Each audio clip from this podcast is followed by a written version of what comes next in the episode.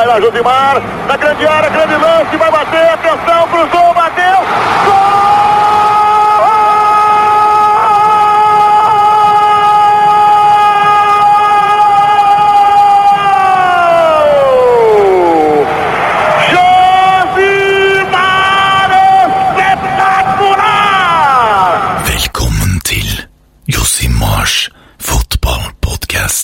So, welcome to the what was supposed to be a fourth edition of Tour de France Radio, but it's actually third because we just forgot to press record. So we just spoke to me and Nick just spoke to each other two nights ago. Uh, tonight or today we are here in uh, Lyon where we just witnessed one of the historic wins for Northern Ireland, who beat Ukraine. Here with me is uh, big international star, For- former former West Ham attacker and Chelsea reject. No, I'm kidding. Uh, here with me is uh, Mon- Mon- Monsieur, Monsieur uh, Ian McIntosh. Hello. So, what's your impression on uh, Will Grigg tonight? have, you, have you tried? Have you tried to chant that? Since No, no, I'll leave that to younger men than me. Um, but what a day for Northern Ireland that this this was. We, for those of us who saw Northern Ireland in Nice against Poland, it was it was kind of disappointing. You, you couldn't fault their work rate. They were very very good off the ball. You mean you mean you were disappointed today because they were much better today? no, we we all looked at that performance and we all said they've got to, they've got to come out fighting. They've they've got to stop being defensive. They've got to go and show why they qualified, why they're the only team ever to have been in the fifth pot and win their group. And by God, they did it today. They were absolutely sensational from the first whistle to the first uh, to the last. They, they could not have played any better, um, and they did. They they were still very good defensive. Uh, they were still working very, very hard. the But tactical setup was quite it was really impressive. weird but impressive with It was going ballsy. from five in the line to, to like four three three. Yeah, there was a lot of expectations on Dallas, who had to be the left-hand side of the attack attacking trident and the left back when they were defending, and um, and they were ambitious in everything as well. They were pushing really high up whenever they had the chance. They were running at people. I mean, there, there's still limitations in this team. I think it goes without saying that you know they're not they're not Spain. Yeah. They're not Germany. They're, they're not that kind of team. And there were, uh, you know, little mistakes creeping into the game here and there. But I mean, they, were absolutely at 100% of everything they can do.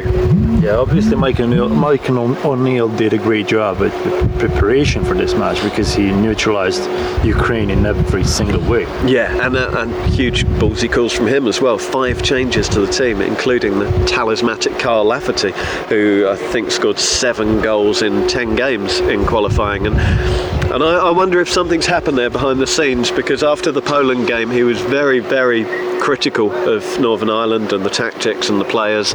Um, he was contradicted by one of his teammates. I can't remember who it was, and the fact that he didn't even come on as substitute makes me think that maybe something's happened behind the scenes there. Uh, he has been known to be a difficult character in the past, but Michael O'Neill made that call. It was a it was a brave call, and it, it paid off. You've been very excited in the in the media center today while, we were watching England. as, as everyone knows, you you guys are quite noisy pack where England plays. I may have used some indoor language, yes. So, what's your view of, of England Wales match today? Quite quite poor match in terms of yeah, it was very much like watching Championship football. It Yeah. was uh, blood and thunder. one superstar there. Yeah, One yeah, superstar. who sadly wasn't on our team. Uh, yeah, blood and thunder and thud and blunder. It was uh, it was a particularly scrappy game. But if you want to focus on the positives, um, England kept fighting all the way. Their heads didn't go down. You'll have to excuse me. Lyon gives me terrible hay fever, so I sound very bunged up right now. Um, they, they never backed down for an instant, um, and they got the result that they probably didn't deserve. But it will it will serve them well, and maybe that will be the kind of kick up the bottom that they need because they just weren't brave enough in the first half. They were far too just tentative and Uh, uh, almost as if they didn't believe they were going to win. And then after half time, when they made those two changes and brought Sturridge and Vardy on, that that was a signal. That that was right. Come on, pull your fingers out and, and go for it. And, and they did, thank goodness. A practical question for you: If you are building a house now, would you build wall or not? I think he's got to make changes now. Um, he's he's got to take Sterling out of the team surely because that's three really poor halves. I think we're going to get struck Yeah. by lightning if we stay. Let, us shuffle back in. Those listening at home, clouds are building up like you wouldn't believe. It looks like the end of the world itself it out there. It is, and Poland uh, is just then going to start their match. I think, yeah. Yeah. Poland, Germany. But tell me, there was a big discussion here in media room about was it Hart's fault or Bale's? I'm very much goal. afraid I think it was Hart's fault, given where the ball entered the net. It was pretty central. It's possible he was missighted. I haven't seen all the replays, but I think a goalkeeper of Hart's caliber's got to expect to save that. Who was supposed to take free kicks for England or corner kicks for England?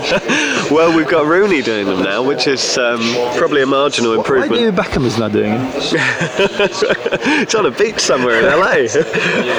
it's. Uh, I mean, I'm, I'm not sure the Rooney's kicks are any better than Kane's, but the difference is at least Kane's on the end of them now. At least there's a there's a threat from set pieces now, so that, that's a, a slight improvement. But it needs more. I mean, there's been nothing in two performances that will scare the rest of Europe.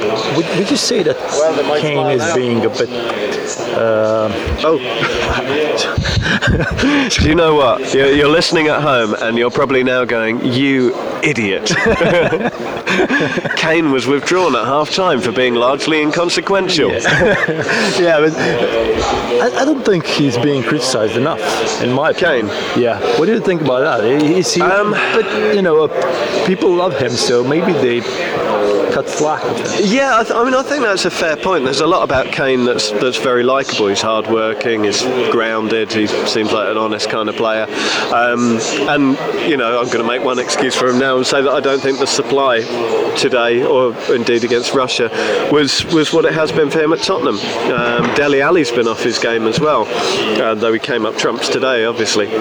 Um, I, it's, it's very, very difficult. With a player like Kane, his head doesn't go down very easily. You saw that at the start of the season for Tottenham. I think he went nine or ten league games without scoring, um, with everyone saying, "Oh, see, told you it was a fluke," and then up came up. You know, the, the goals started happening. He wasn't really doing anything wrong. It has been disappointing for him, and he may find his, his place in the team at risk. But I, I still think he offers a physical option that you need to to kind of to have everything else to pivot on. Let's move to tomorrow's matches. Yes. Uh, Conte destroyed Wilmots in that first, in that opening match Yeah. of our group. What do do you think he's going to change something tomorrow? Because that setup was quite unusual, and can can that work against Sweden? Yeah, and you worry if it's actually going to get any worse as well, because Wilmots wasn't shy in um, blaming his players, uh, singling out certain players for blame afterwards, which is rarely a tactic that goes down well, particularly in a team like Belgium where there's so many egos. So, yeah, you know, I, I actually think they You could know get that even Belgium worse. play that, that Sweden plays Italy. Sorry? Sweden plays Italy. Yeah. Who are we talking about? Yeah, classic, classic. I am very, very tired. Uh, it's been six days here, and we all want to go home to our families. So, and uh, two two Polish guys are so that's Belgium done. Let's deal with Italy. because they're playing. yeah, because they do play tomorrow. They do. like Belgium. Yeah. when did Belgium play? What, what day is it? All I know is I'm in Spain. and I'm in Spain. I'm in Nice for Spain against Turkey.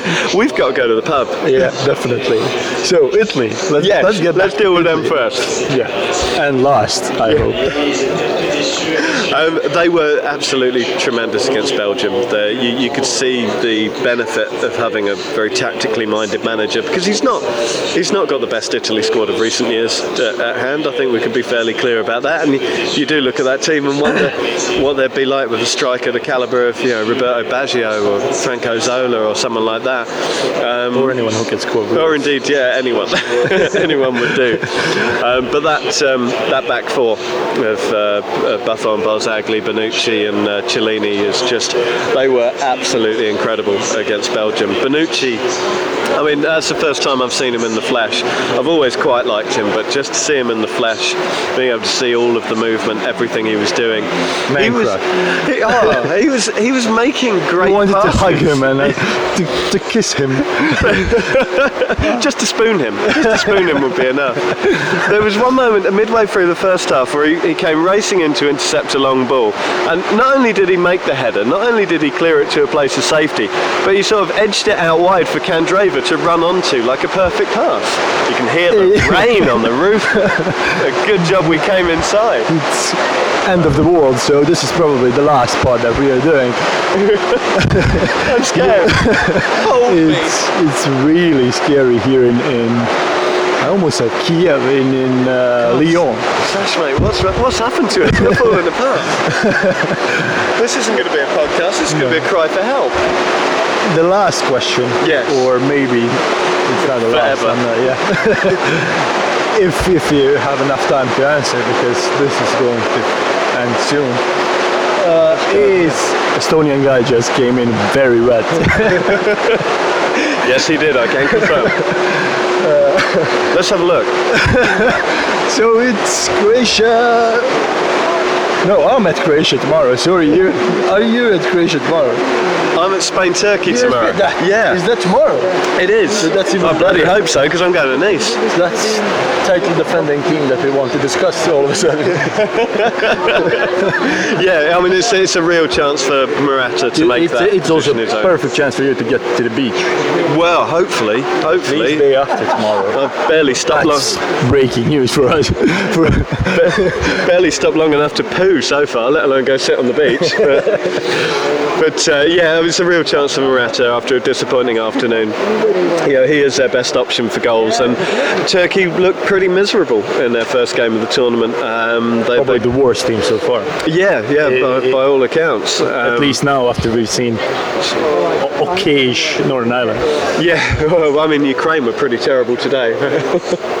I've just been slapped on the bottom by Northern Irish uh, broadcaster Colin Murray, um, whi- which is Which is a sign of the deep held fraternity here in the media box. Uh, yeah, if Morata can't score goals against Turkey, then uh, then Spain really have got problems. So, but I, I think they'll be absolutely fine. I think, in fact, I'm going to stick my neck out and I'm going to say that'll be the first game to be won by a three goal margin. There you go, said it. and let's finish with Croatia playing Czech Republic. Did you see Czech Republic?